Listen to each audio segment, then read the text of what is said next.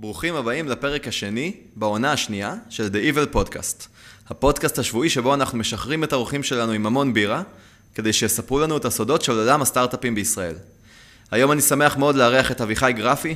אביחי הוא הפאונדר של חברת אלגופלנר IO, שבונה כלי ל-supply chain managers, או בעברית למתכנני שרשרת אספקה. כלי שיאפשר להם לייצר אוטומציות גמישות שמתבססות על אלגוריתמיקה מתקדמת. דיברנו על שרשראות אספקה בתוך תקופת הקורונה, והפעם אנחנו לא מדברים על סטארט-אפ שעשה אקזיט אה, במאות מיליוני דולרים, אגב, אני מאחל לכם, אבל uh, כרגע אנחנו מדברים על סטארט-אפ שממש נמצא בתוך תהליך בניית המוצר, כמה חודשים אחרי גיוס, וזה השלב הכי מעניין לפי דעתי, אז אני מקווה שתהנו מהפרק. אגב, לאביחי גם יש serve מטורף בפינג פונג, אז uh, ממליץ לכם לנסות אם יוצא לכם. אז אביחי, מה העניינים? אהלן, אהלן, מה נשמע? ברוכים הבאים, כיף שאתה איתנו. תודה, כיף לי. אמ, אז תספר קצת על הרקע, אמ, מה למדת, איך הגעת לעולם הסטארט-אפים, אם זה קשור או, או דווקא לא. אה, אז בגדול למדתי הנדסת תעשייה, הנדסת תעשייה וניהול. אה, מודה שהרבה מהרצון היה פשוט ללמוד בבן גוריון, כי שמעתי שכיף חיים שם, ואינדיד, ככה באמת כיף שם. אה, אני חושב שאיפשהו, תמיד היה לי קצת הראש היזמי, היצירתי, עוד לפני שהבנתי מה זה סטארט-אפ, תמיד אה, ככה משהו בער בי. אני חושב שאפילו הרבה זה מאבא שלי, שהיה כזה מין מגייבר כזה, שתמיד מאלתר פתרונות לכל דבר. אה, אה, וזהו, יצא לי עוד שחזרתי ככה מהטיול בדרום אמריקה אחרי הצבא, לחשוב על כל מיני רעיונות, חלקם מטופשים, חלקם מגניבים. ואיכשהו הצלחתי להשתחל לשיחות עם כל מיני uh, מנהלים די בכירים בכל מיני חברות כמו מוטורולה. מקבלי החלטות כאלה? כן, מוטורולה, או אפילו קליית יוסי, ו... ותמיד הצלחתי להגיע... קליית יוסי? כן, נראה לי משהו כזה. קליית גרעינים. כן, כן, משהו של אה, תנובה, חברה גדולה, ותמיד איכשהו... אתה יודע, עשיתי מין חיפושים באינטרנט, עוד זו הייתה תקופה שבאמת היית יכול להגיע לדפי קשר, הדברים לא היו מוסתרים יותר מדי. ואיכשהו התחנחנתי עם המזכירות בטלפון, לא סיפרתי להם בדיוק שאני ילד בן 23 שרק חזר מדרום אמריקה, והצלחתי להשתחל לאיזה פגישה, ותמיד אני זוכר את ההפתעה בעיניים של המנהלים, שרואים אותי להתיישב מולם, ואומרים, רגע, מה, מי אתה, מאיפה, מאיזה חברה, מאיזה זה, ואומרים, לא, אני אביחי, חזרתי מדרום אמריקה לא מזמן, אבל יש לי רעיון מגניב. אז זה תמיד היה מצחיק, והם דווקא די זרמו, אז זה היה ממש נחמד. אני חושב שמזה הלכתי להנדסת תעשייה וניהול, הרגשתי את הצורך בללמוד אה, הרבה תחומים ולהעמיק. אה, זה בעיקר. אוקיי, okay, מדהים. ומה היה התפקיד הראשון שעשית כמהנדס תעשייה וניהול? כאילו נכנסת ישר ל enterprise, עבדת בעסקים אה, קטנים? אני חושב ש...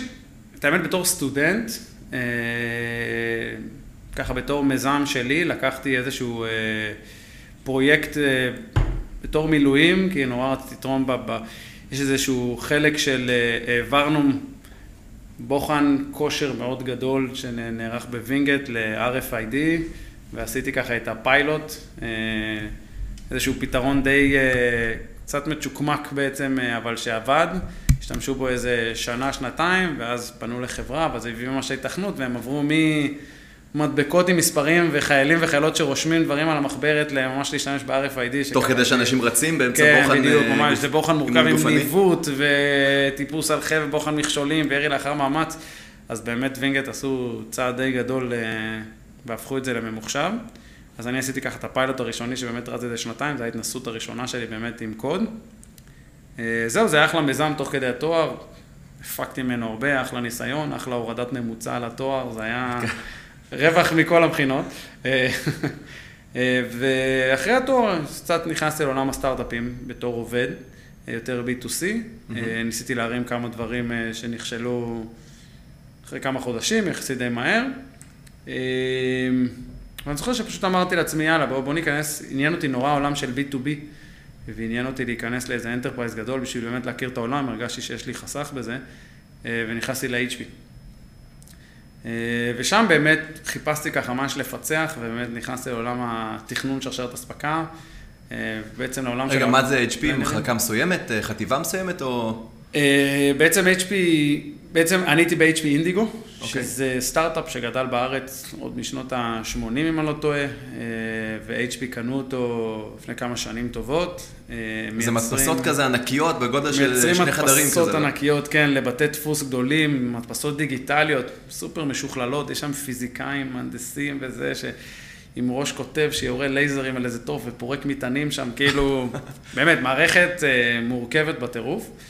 ואני הייתי בעולם של שרשרת האספקה שם, בעולם של תכנון שרשרת אספקה, והייתי פלנר שם. אם שואלים בעצם מה זה פלנר, אז... אז מה זה פלנר? כן. אז, אז פלנרים זה לרוב מהנדסי תעשייה, שהם בעצם מטפלים בכל מיני צמתים בשרשרת אספקה, קצת מה זה שרשרת אספקה, אז, אז שאתם מזמינים היום אה, טלפון או מחשב, אז uh, עד שהוא מגיע אליכם הוא עבר הרבה מאוד גלגולים בחיים שלו עד שהוא הגיע לידיים של הצרכן. אז אם זה מהקצה של הספקים שמייצרים את החלקים של המחשב, uh, שהם בעצם מגיעים לחברה עצמה לאיזה מחסן מרכזי גדול ומשם לאיזה פס הרכבה וייצור, ועד שמייצרים את המוצר המוגמר, משם הוא מדלג למחסנים בכל העולם. ומהמחסנים בכל העולם לחנויות, ואז בעצם הלקוח יכול בעצם לבוא באותו יום לקנות מחשב ולקחת אותו בחמישה ימים או שבוע, שלקוחות חושבים, שבוע אני צריך לקנות למחשב, אתה יודע כמה זמן תכננו את המחשב הזה לפני.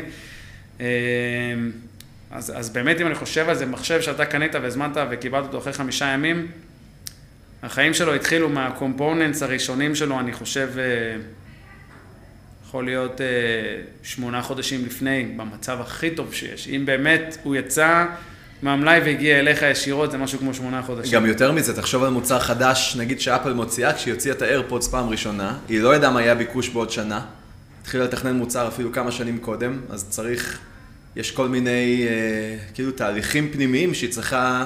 עוד משלב התכנון כבר לדעת מה יהיה הביקוש בעוד שנה, איך זה עובד? זאת אומרת, אני, אני פחות מדבר כמובן על, ה... על ה-R&D של המוצר. כן. לא, מהרגע שיש מהרגע מוצר. שיש מוצר, בעצם יש תכנון, אז, אה, אז כן, אז בעצם בשביל שלקוח יבוא לחנות או יזמין מהאינטרנט תוך חמישה ימים יקבל את המוצר, אז צריך מה שנקרא לתכנן אחורה את כל השלבים ועוד שלב ועוד שלב ועוד שלב ועוד שלב, אה, ויש שם הרבה תהליכים מורכבים באמצע, ובכל תהליך הזה יש גם צומת קבלת החלטות, אם התחלנו בעצם מהעולם של הפלנר, אז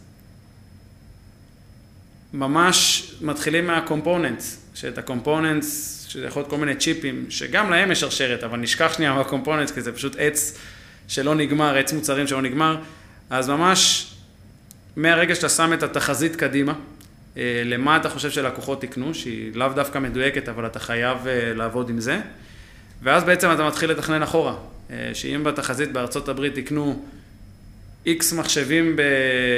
בכל חודש בשנה קדימה, אתה צריך לתכנן אחורה איך אתה מוביל את החומר מהמחסן המרכזי למחסני קצה, ואז מהמחסן המרכזי אתה צריך לתכנן מתי הוא יהיה מוכן מהפס הרכבה, ובעצם את כל הקומפוננט שמרכיבים את המחשב בשביל הפס הרכבה, כמה פס הרכבה זה ייקח, וכל קומפוננט, מה הליד טיים מהספק למטה, בכל אופן זה תהליך מאוד מורכב. אה, אז תאריך הוא יותר מוצר שאתם מקבלים ככה ליד, רק בעולם של שרשרת אספקה הוא עבר... אה, כן, גם תוסיף על זה מדינות, ותוסיף על זה שיש מוצרים עם זמן מדף מוקצר. מוגבל, כן, זה סיפור מאוד מורכב, ואם חוזרים לשאלה, באמת, זה, זה התפקיד של פלנרים. הם uh, נמצאים בכל מיני, זה נקרא נודים בשרשרת אספקה, נודים, והם מקבלים החלטות שם כמו, אני, אני קצת מפשט, כן? אבל כמו כמה חומר ולהביא, כמה חומר להביא ומתי, uh, בהתחלה מכל ספק, כמה להביא כל קומפוננטס ובאיזה תאריך להביא איזה כמות. ואיך לשנע את זה, האם לשנע את זה בהובלה יותר זולה באוניות או בהובלה יותר מהירה באוויר, זה מגדיל סיכונים, מפחית סיכונים. ותחשבו שאת כל ההחלטות האלה בסוף הם עושים על בסיס התחזית, שהיא משתנה כל חודש. והשינוי שלה גורר הרבה מאוד בלאגן בדרך. ש... ועוד שנייה גם נדבר על כל הדבר הזה בראי הקורונה ואיך זה משפיע. כן. אז בפעם הבאה שאתם רוצים לקנות מוצר בשורה התחתונה והוא לא במלאי, או שאומרים לך שיש... נגיד עם PlayStation 5 ו Xbox, שככה יש חוסרים, אז אפשר, צריך להירגע ולהבין, כאילו שיש כן. פה שנה שלמה שקדמה לזה, ובעיות לוגיסטיות שצריך uh, להתמודד איתן. למרות שאנחנו מפונקים ואנחנו רוצים כן, את ה Xbox. וטוב שכך, uh, טוב כן. שכך, תהיו מפונקים, תדרשו את זה באותו רגע, זה ייצר לי יותר לקוחות, אז נהדר. בסדר גמור, ו... אז בואו נדבר רגע על HP בעצם. מה, מה אתה עשית שם, ואם נכנסת לעבוד ב-HP, אז כאילו, איך הגעת לפתוח חברה אחרי כמה שנים? כמה זמן היית שם? ו... אז באמת נכנסתי ל-HP מעין מטרה כזאת, לחשוב על אה, איזשהו מוצר B2B, ובסוף נכנסתי לחברה באמת קסומה, אה, אינדיגו, שנמצאת ברחובות או נס ציונה, זה כבר ריב בין עיריות, רחובות הנס ציונה, נשכח מזה, אבל חברה קסומה עם אווירה מאוד מאוד טובה, חברה, חברה מאוד משפחתית, למרות הגודל שלה שהם אלפיים פלוס עובדים. וואו. באמת היה שם כיף ונתקעתי שם שש שנים. באמת יכול להגיד שנהניתי ממש מכל רגע. ושם בעצם באתי לפתור, בפן האישי, זאת אומרת, אני הייתי שם פלנר, אבל בפן האישי באתי לפתור את נושא השימוש באוטומציה ובאלגוריתמיקה בתוך הקבלת החלטות הזאת, בתוך שרשרת האספקה, שהיא משפיעה הרבה מאוד על, ה... על האופרציה של הארגון, גם מבחינת תוצאות וגם מבחינת עלויות כספיות. אוקיי. Okay. אמ, ושם באמת הסתכלתי על איך אפשר לייצר מצב שהחלטות של פלנינג מתקבלות על ידי אלגוריתמים בצורה אוטומטית. שמה קרה עד אז? בעצם זה הכל ידני? כשאתה מסתכל מהצד, אתה רואה באמת שהפלנרים או המתכננים, לרוב משתמשים במילה באנגלית פלנרים, הם באמת מקבלים את ההחלטות על בסיס כלי BI או אקסל, בעיקר, בעיקר הרבה עבודה על אקסלים, אה, והם מאוד ריאקטיביים, מגיבים כל היום בכיבוי שריפות, הרבה מאוד עבודה תפעולית כזאת, אה, וקשה מאוד להביא ערך. כי באמת השרשרת מאוד מורכבת והרבה דברים קופצים כל הזמן, אז העבודה שלהם היא בעיקר מיילים וטלפונים וישיבות, המון ישיבות, בשביל להבין בעצם מה קורה ולנסות לטפל נקודתית בכל מוצר ומוצר.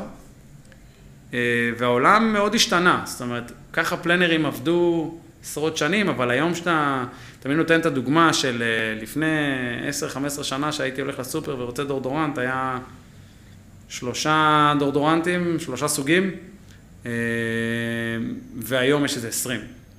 אז, אה, אז זה מה ש planner ממש מנהל, הוא כבר מנהל מסה של מוצרים. גם המורכבות של החלקים בתוך לפטופ היום, לעומת לפטופ של פעם, הרבה יותר מורכב, הוא יוצא גם לשוק הרבה יותר מהר.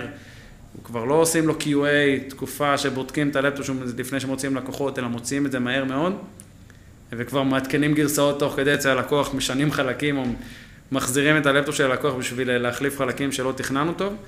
אה, אז הכל נהיה הרבה יותר מורכב, זה משפיע על השרשרת, ופלנרים עדיין משתמשים בשיטות הקודמות, למרות שהקבלת החלטות חייבת להיות מבוססת דאטה וחייבת להיות עם כלים מתאימים. ואקסל הוא פחות, הוא פחות מתאים לזה. אה, באמת שם, שם נתקלתי ואת זה נורא רציתי לשפר, ויש הרבה מאוד חברות שמטפלות בנושא הזה, חברות מאוד מוצלחות, אה, עם אלגוריתמים מאוד יפים ומערכות מורכבות עם הרבה מסכי UI והרבה מאוד אפשרויות. אבל אני ניסיתי לבוא בגישה אחרת, כי באמת ניסיתי לעבוד עם שתי מערכות אה, שנחשבות מאוד איכותיות, אבל בפועל, בסופו של דבר המערכות האלה פולטות החלטות, ו... ובדקתי אפילו זה מעבר ל-HP, בכל החברות היום אפשר להגיד, ההחלטות האלה שיוצאות, הפלנרים עדיין עוברים שורה-שורה, אה, ובודקים האם לאשר את ההחלטה, או שמסתכלים על כל הדאטה ומשנים את ההחלטה. וזו עבודה מאוד סזיפית, וגם כמובן לא אופטימלית, כי אפשר לעבור על אלפי שורות ביום, אז הרבה מהם אתה פשוט לוחץ על הפלוס הזה באקסל, שמקבל את כן. כל ההחלטות למטה בצורה אוטומטית. אמ, אז זהו, זה ממש ככה, ואת זה, זה מה שניסיתי לפתור. אה, אז בגלל שבאתי עם רקע קצת יותר בתוכנה ובעולם של דאטה מהסטארט-אפים הראשונים, אז אה, זה ממש התחיל מאיזה סיפור שפלנר לידי, חבר טוב, אמר, אה, מצאתי איזה בור תקציבי, ואני יכול להזמין לך איזה שני מחשבים נייחים שרצית, ועוד כל מיני חלקים. בור חיובי, בשביל... כאילו, שאפשר להשתמש בו. בור חיובי, כן, של תקציב, והבאנו מהמלאי ככה בצורה לא בדיוק אה. מושרת, כן, פיראטית, אה, שני מחשבים נייחים, חיברנו אותם מתחת לשולחן לרשת, ופשוט הפכנו אותם אחד לשרת ראשי ושני לשרת משני. והתחלנו לייצר שם איזושהי אפליקציה כזאת שיודעת למשוך, אה, לפנות לשרתים בארגון, כי לא נתנו לנו בדיוק גישה לדאטה, כי אנחנו מחלקה אופרטיבית, אנחנו לא אמורים לפתח פתרונות אה, תוכנה, אז ממש בצורה פיראטית התחלנו לשאוב דאטה מכל מיני מקומות ולייצר לנו איזה כלי כמו בוט שייצר לנו database לדאטה שאנחנו צריכים, כי היום פלנרים באמת מבלים הרבה מהזמן שלהם להיכנס למערכות, ללחוץ על כפתורים ולהוריד אקסלים. אז uh, בעצם זו הסוגיה הראשונה שרצינו לפתור, בואו שנייה ניפטר מהעבודה הזאת של כל בוקר ללחוץ על כפתורים ולחכות לדאטה שירד, אז הוא פשוט רץ בלילה, ניסה, לפעמים שרתים זרקו אותו החוצה, הוא ידע לנסות עוד פעם, הוא רץ לכמה דברים במקביל. אגב, אם אתה עושה דבר כזה ב enterprise, אני מניח שהם לא אהבו את זה, בלשון המעטה. זאת אומרת, בהתחלה שהם לא מודעים לזה, אין להם בעיה, אבל אה, אחר כך כשהם מגלים את זה, זה מתחיל בעיה. יש לזה אפילו מונח, זה נקרא Shadow IT. אוקיי. אה, אפילו אני זוכר שהמנהלת שלי הכריחה אותי להגיד שעבדתי זה, ועבדתי על זה בסוף שבוע פעם אחת. לא יודע, זה לא עזר באמת, אבל... אה, אבל מה שיפה פה זה שעד שתפסו אותי, זאת אומרת, תמיד האמנתי ב... You better apologize כן. than ask for permission. ברור. אז עד שבאמת, אה, זה באמת אה, נתפס, ובהתחלה היה קצת מיילים זוהמים מכל מיני מנהלים, אבל לא בדיוק הבינו, כולם עסוקים בשלהם. אה, ואז באמת הבאנו על האפליקציה שלנו, בנינו אפליקציה ממש ב-C-Sharp, ועליה הרצנו ליירים אנליטיים כאלה עוד ב-R, לא עברנו לפייתון, אפילו היינו ב-R, כי זה מה שהכרנו. אה, ופשוט הרצנו פרוססים ששאבו דאטה, ניתחו אותו, קיבלו החלטות ודחפו את ההחלטות למערכת. והפרויקט הראשון עשה כבר כמה מאות מיליוני דולרים, שזה משהו שלא בחיסכון היה... בחיסכון בעצם? כן, בחיסכון, זה משהו שלא היה מוכר. אה, במיוחד שוב, הכל מבוסס דאטה, הכל אפשר להוכיח. אה, והיה איזה פרויקט גם של חיסכון כזה באינדיגו, זה היה innovation, ושהעלינו את זה לשם, כל פרויקט שהעלינו לשם היה פתאום מספרים מפוצצים של מאות אלפי דולרים, לפעמים עברנו את המיליון. אז תמיד אומרים לנו, רגע, זה לא, לא הגיוני, והיו עושים לנו challenging מה finance, ואז הסמנכ"ל תפעול, כאילו ממש היו בודקים בשביל לראות שזה באמת נכון, אה, וזה מה שכיף, זה מבוסס דאטה, אז באמת יכולנו להוכיח את הכל. אה, זהו, משם זה ממש התפתח, וויתרו לנו על החלק של ה-Shadow IT, כי באמת זה הביא תוצאות, והצלחנו לתפוס סגמנטים שלמים שפלנרים עבדו בו בצורה ידנית, מה שגרר גם הרבה, כל מיני סגמנטים של החלטות. שהרבה פעמים, סתם לדוגמה, חלוקת חומר מהמחסן המרכזי בישראל לכל המחסנים בעולם, ככה שאם יש חוסר בארצות הברית, ויש חוסר גם באירופה במקביל, בדרך כלל זה בא ביחד על מוצר, כי יש קפיצת צריכה פתאום בו, אז uh, הרבה פעמים יש ממש ריב חזק על החומר, אז מי שצועק יותר חזק, או מי שמערב מנהל יותר uh, גבוה, הוא מי שזוכה בחומר, וזה מייצר הרבה עבודה אופרטיבית מסביב, והרבה פעמים ההחלטה היא לא אופטימלית. אה, אז לדוגמה... גם בטח מבוססת על בסיס קשרים, ו... ממש, ממש. מקרוב ו... למנכ"ל וכאלה. כן, ומי הספיק. נכון. וזה לאו דווקא מטיב עם ה-KPI של הארגון. אה, אז ממש תפסתי, אני זוכר בזמנו planner, אה, שהוא, קראנו לו, הפכנו אותו ל product הראשון, קראנו לזה product של מוצר אנליטי, ככה בשביל להתחבר להייטק, והוא ממש ייצר פתרון רובסטי מאוד יפה, שהחליף את כל העבודה הידנית ואת כל הוויכוחים, וההחלטות שם היו ממקסמות פשוט את ה-KPI. וזה משהו שהוא היה עושה הרבה מזה ידני לפני, כל הפלנרים, במיוחד הוא היה ה owner של הפרויקט הזה. אה, ואחרי עבודה מאומצת של כמה חודשים, פתאום הבאנו פתרון שהוא, בגלל שהוא נבנה אצלנו, פנימית, באיטרציות צרות, על בסיס המתודולוגיות הכי טובות שיש, הצלחנו להביא פתרון שמקבל החלטות בלייב. זאת אומרת, הוא רץ בבוקר, באם, קיבל החלטות והוציא. אה, וזה היה החלטות אופטימליות, שזה רמה שהמנהלים ראו ואמרו, חבר'ה, טוב, וואלה, שאף אחד לא יתערב יותר עם ההחלטות. מה שהאלגוריתם מוציא, אין ויכוח. וואו, איזה יופי. שזה לא, לא, לא קרו דברים כאלה. ו... וזה פשוט פינת הזמן של הפלנרים. אה, ומה שיפה פה, שברגע שאתה מפנה מהנדסים, אז הם יכולים להתחיל להביא ערך, ופתאום הם אומרים... ולחשוב על דברים אחרים ולא להיות ריאקטיביים. בדיוק, זאת אומרת, זה פתאום הצד, המהנ... הצד של המהנדס יצא לפועל, שזה ממש היה נחמד לראות, וגם האווירה השתנתה פתאום, ופתאום פלנר מגיע ואומר, בוא'נה, קלטתי שטרנזקציה במחסן עולה 17 דולר, אז אפשר uh, למקסם טרנזקציות במחסן ולהוסיף גרסה שנייה לאלגוריתם, שהוא כבר לא עסוק בלקבל את ההחלטות, אז זה מדהים, ואז הוספנו גרסה שנייה וחסכנו עוד כמה מאות אלפי דולרים, ואז פתאום הוא אומר, אה, אפשר לפצל הזמנות ולעשות ניתוח סיכונים, וחלק לשלוח באוויר וחלק בים. ו... רגע, אני רוצה להבין ו... את, ה, את התכלס, אתה היית בעצם במחלקה ב-HP שלמה דאגה? לחלקים של מדפסות, למדפסות בעצמם? כאילו, מה, מה ניהלתם פה? בתקופה הזאת הייתי ממש במחלקה של service שאחראית על החלקי חילוף. אוקיי. היא... חלקי חילוף למדפסות הגדולות. כן, אוקיי. המודל של אינדיגו הוא סופר חכם, סופר uh, מעניין, והם בעצם uh, נותנים שירות לכל הלקוחות מסביב. Uh, והתפקיד שלהם לדאוג שכל המכונות בעולם ירוצו, ימשיכו לרוץ בכל הבתי דפוס. שלא יהיו מושבתות בעצם. כן. כי ממש כל סיבוב של התוף עושה להם כסף, זה מודל אה, מאוד חכם, אבל לא נרחיב עליו. אה, והם, אנחנו בעצם, התפקיד שלנו היה לדאוג שכל החלקי חילוף, שזה מכונות שמשלבות כימיה ופיזיקה, ומכונות, זאת אומרת מאוד מורכבות, מולטי דיסציפלינריות כאלה, כל החלקי חילוף יעמדו בכל, ה, בכל עולם ומוכנים שאם משהו נופל, מהנדס יכול לקחת את החלק ולתקן. כמובן שאתה לא יכול להחזיק את כל החלקי חילוף. בזמן סביר ו... כן, החלקי חילוף הם מספרים עצומים, ואם אתה תחזיק את הכל, זה יהיה כן. הפסד כלכלי, אז אתה צריך לחזות מה ייפול, ועל בסיס זה אתה צריך אה, לאפטם את כל השרשרת בשביל להעביר כמה שיותר מהר את החומר בצורה יעילה וזולה. אה, בעצם תחשוב על זה שככל שאתה מוזיל את העלויות הלוגיסטיות של הדרך, אתה יכול לקנות יותר מגוון של חלקי חילוף ולשבץ אותם בעולם, וזה בעצם יביא לך תוצר יותר גבוה. אה, אבל בכל זאת, זה התפקיד של המחלקה, לשבץ את החלקי חילוף. הבנתי, ובעצם בחיסכון של אה, הקצאה נכונה של חלקי חילוף למקומות מסוימים ובכמויות, בעצם זה החיסכון שאתה מדבר עליו. בפשטות כן, אבל זה ממש כמו השרשרת שציינו בהתחלה, יש הרבה מאוד שלבים, סתם בשביל להבין את הרמת סיבוכיות, חלק חילוף שהלקוח משתמש, הרבה פעמים הוא...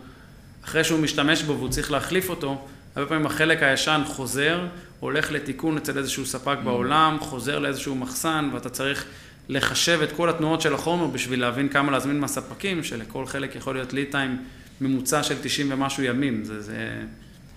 אז אני לוקח אותנו קצת קדימה בזמן, עזבת את HP, חשבת על זה שאתה רוצה להרים חברה, איך, אה, אפילו אני אקח אותנו עוד יותר קדימה, עד ההשקעה נגיד הראשונה, אז uh, הראשונה והיחידה בינתיים, נכון? אז לא ניכנס למספרים, כי אנחנו ספציפית פה מעדיפים שלא, אבל נגיד uh, כמה מיליוני דולרים. איך, שתי שאלות. קודם כל, בתור פאונדר יחיד, כי עדיין, אם אני מבין נכון, לא היה CTO כרגע. נכון. אז איך קרנות התייחסו לזה? יש כזה, נוטים לחשוב על זה שקרן... כשהיא משקיעה, היא מעדיפה שיהיה תמיד הדומיין אקספרט נכון. ו-CTO, אז איך הגיבו אליך? נכון. בעצם גם ב-HP הייתי מין one man show כזה, ו... גם אמרת שהיה לך רקע בפיתוח. כן, ובעצם המטרה הייתה, אני בניתי את זה בצורה טובה שהביאה תוצאות, אבל בשביל סטארט-אפ ובשביל חברה צריך לבנות את זה בצורה מצוינת.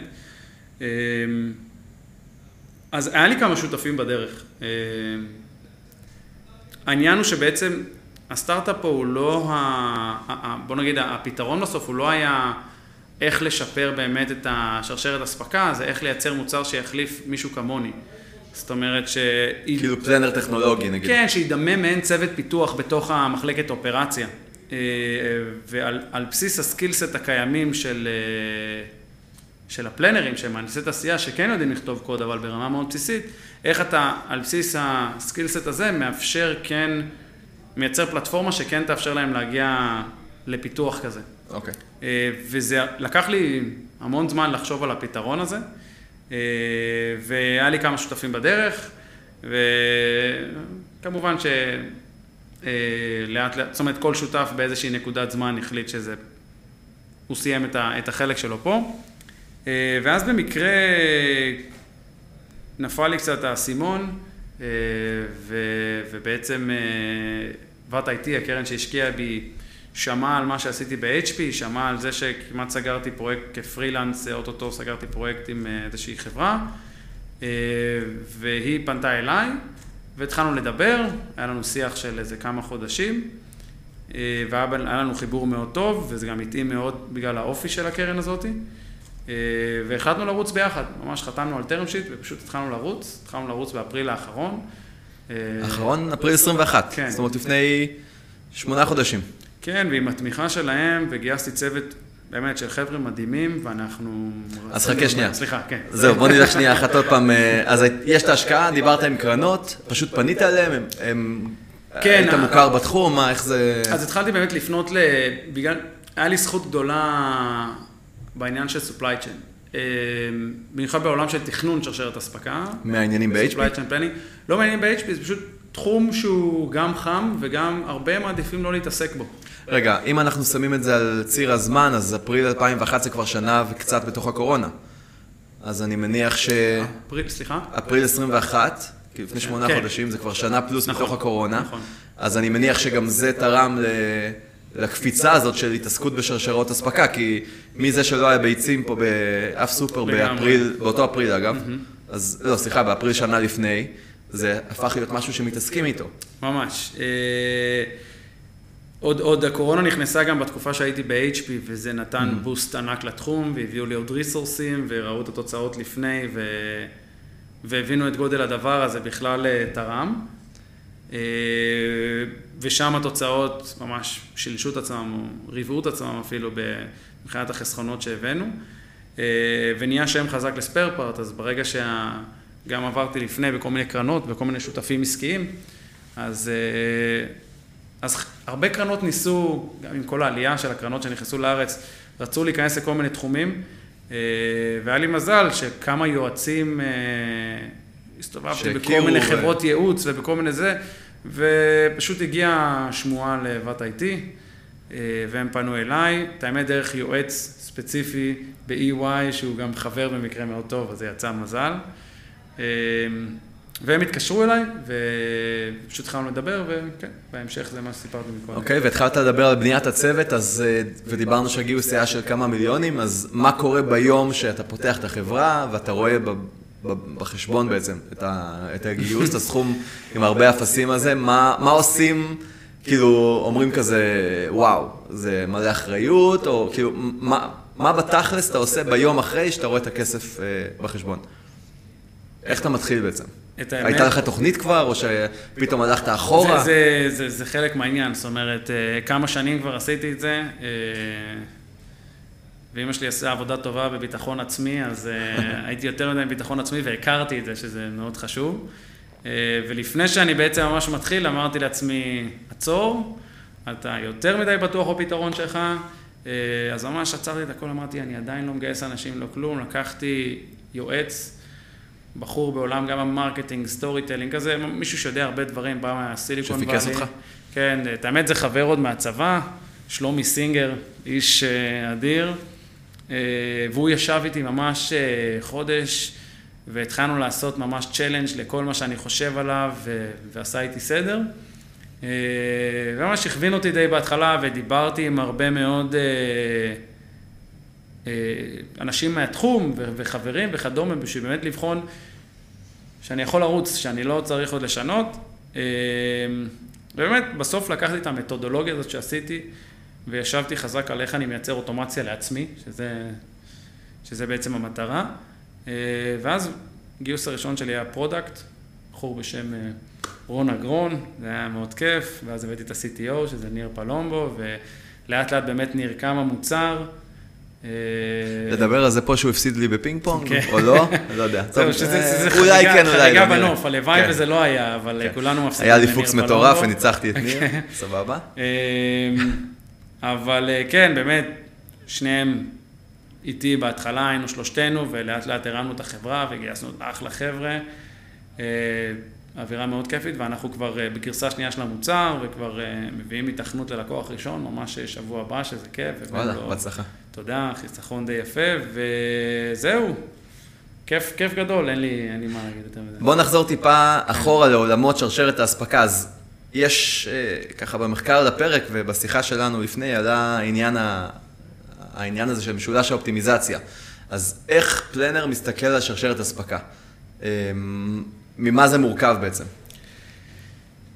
אז, אז כמו שאמרתי, ההחלטות של הפלנרים בשרשרת הן אולי נשמעות פשוטות, כמו איך לשלוח את החומר ימי או אווירי, או כמה חומר להביא באיזה חודש, אבל בשביל לקבל בסוף את הנקודה הסופית הזאת, זה, זה החלטה בעצם שהיא בדרך כלל איזשהו מודל אופטימציה בין כמה מלאי אני אחזיק, או כמה cash flow אני אשקיע במלאי, כמה עלויות לוגיסטיקות, האם אני אשלח שילוח מהיר פדקסי ויקר, או באווירי, או בים, ובאיזה רמת שירות אני רוצה ללכת ללקוח. ממש, זה מצחיק. זאת אומרת, לקוחות לא יודעים שמתכננים כמה אחוזים מהאנשים שיגיעו לחנות לא יהיה את המוצר שלהם. זאת אומרת, אומרים, ב-92 מהמקרים יהיה את המלאי, וב-8 אחוזים אנחנו יודעים שאנחנו מפסידים, וחייבים לבחור את הנקודה הזאת, כי זה בעצם נקודת אופטימיזציה. גם מבחינה של חיסכון בעלויות. זאת אומרת, זה שהגעת ולא היה את המלאי, יש סיכוי טוב שזה מתוכנן. וזה לא פספוס של החברה, זה ממש בתכנון. אני, אני אגיד גם משהו על, ה, על הפלנרים האלה שכרגע דיברנו, שהם מקבלים את ההחלטות. זה באמת המקום שלי הוא, הוא משם. זאת אומרת, הייתי planner שש שנים, ואני יכול להגיד שמשם מה שכאב לי, שאתה רואה אנשים עם הרבה מאוד פוטנציאל, שאין להם את הכלים המתאימים, אז הם לא מצליחים לממש אותו. באמת המטרה שלנו כחברה היא לספק את כל הכלים ואת הפלטפורמה בשביל למקסם את היכולות של הפלנרים, כי אנחנו לא מאמינים, אנחנו לא נביא איזה קופסה שחורה שתפתור, אה, קופסת קסם שתפתור כן. לחברות הבעיות, אנחנו פשוט ממנפים את מחלקות ה planning, את הפלנרים, את הראשי הצוותים, את המנהלי מחלקות, שהם באמת חבר'ה מבריקים. ש, שראיתי את זה. שעובדים עם כלים של פעם. שעובדים עם כלים של פעם, ושאתה מביא להם את הכלים האמיתיים, הם, הם פורחים, וזה קצת קשה לתפוס בהתחלה, אבל לאט לאט כשאתה רואה את זה קורה, זה פשוט קסם וזה ממש כיף. אז באמת, זה המקום שלי, המקום שלי הוא באמת מהמקום הכאב הזה של פלנר, שרוצה למנף uh, את העבודה שלו ולהביא יכולות יותר טובות ותוצאות יותר טובות לחברה, כי זה חבר'ה מהנדסים, יש להם הרבה מאוד מה לתת, והם היום עסוקים מאוד באופרציה. ובתוך כל האופרציה הזאת, בואו נדבר שנייה אחת על הקורונה. אנחנו רואים השפעות מאוד, מאוד מיוחדות, כמו אה, מי שרצה לקנות רכב בשנה האחרונה, יד ראשונה, ניגש לסוכנות, אה, עשה את המחקר שלו, הגיע למסקנה שהוא רוצה לקנות רכב מסוים, הוא בא לשלם ולא מתחייבים על זמן אספקה. זאת אומרת, יכולים להגיד לו, תקשיב, זה יכול לקחת גם עד שנה. זמן אספקה של רכב, כבר חסכת, עשית, הגעת למסקנה שאתה רוצה להוציא 100 פלוס אלף שקלים על רכב, אתה לא יכול לקנות. אז ההשפעות של שרשראות אספקה, אה, שהן אה, משובשות ממשבר הצ'יפים, סתם דוגמה כן. שמדברים עליו הרבה, אז זה משפיע גם על זה שמכונית, לוקח לה שנה להגיע אליך אשכרה ליד, ומכונית יד שנייה, בגלל זה... נשמע לי קצת קרוב ללבך הנושא של המכונית משום... לא, דווקא לא. הנושא הקרוב ללבי זה שאנחנו רוצים מתישהו לבנות בית, ומכונית חדשה לא קניתי ואני לא אקנה בקרוב. כן, עצומות. אבל עצומות כן. אה, בבניית בית חדש, תכננו לפי סכום מסוים, ואנחנו כבר פי שתיים מזה. עכשיו... הרוב זה כנראה מזימה של הקבלנים, אבל יש הרבה לשרשרת אספקה. אתה חושב שזה ככה, הם רוכבים על זה, אבל בשורה התחתונה זה משפיע על זה ששוק הרכב יד שנייה עולה משמעותית בעשרות אחוזים. אז איך מתמודדים, איך הפלנרים האלה מתמודדים עם קורונה, שזה מצב עם חוסר ודאות כמעט מלא, אה, ומה זה יגרום בשנים הקרובות? זאת אומרת, זה יכול לגרום לזה שפתאום יהיה עודף, אה, עודף מלאי, או שדווקא הפוך, או... אז, אז, אז אה, אני יכול להגיד בשני מובנים. הרבה פעמים אה, זה כאילו עליות וירידות. כמו שציינו לפני זה את המשולש אופטימיזציה, אז דווקא במצב שאין חומר, ופשוט צריך להביא חומר, אז לפלנרים יורד המסה של כן. העבודה. כן, זה, זה קטע, וזה הזמן דווקא להיכנס ולהגיד להם, אוקיי, אתם פנויים קצת, בואו נראה לכם את העולם החדש. אבל אה, באמת בחברות שהן...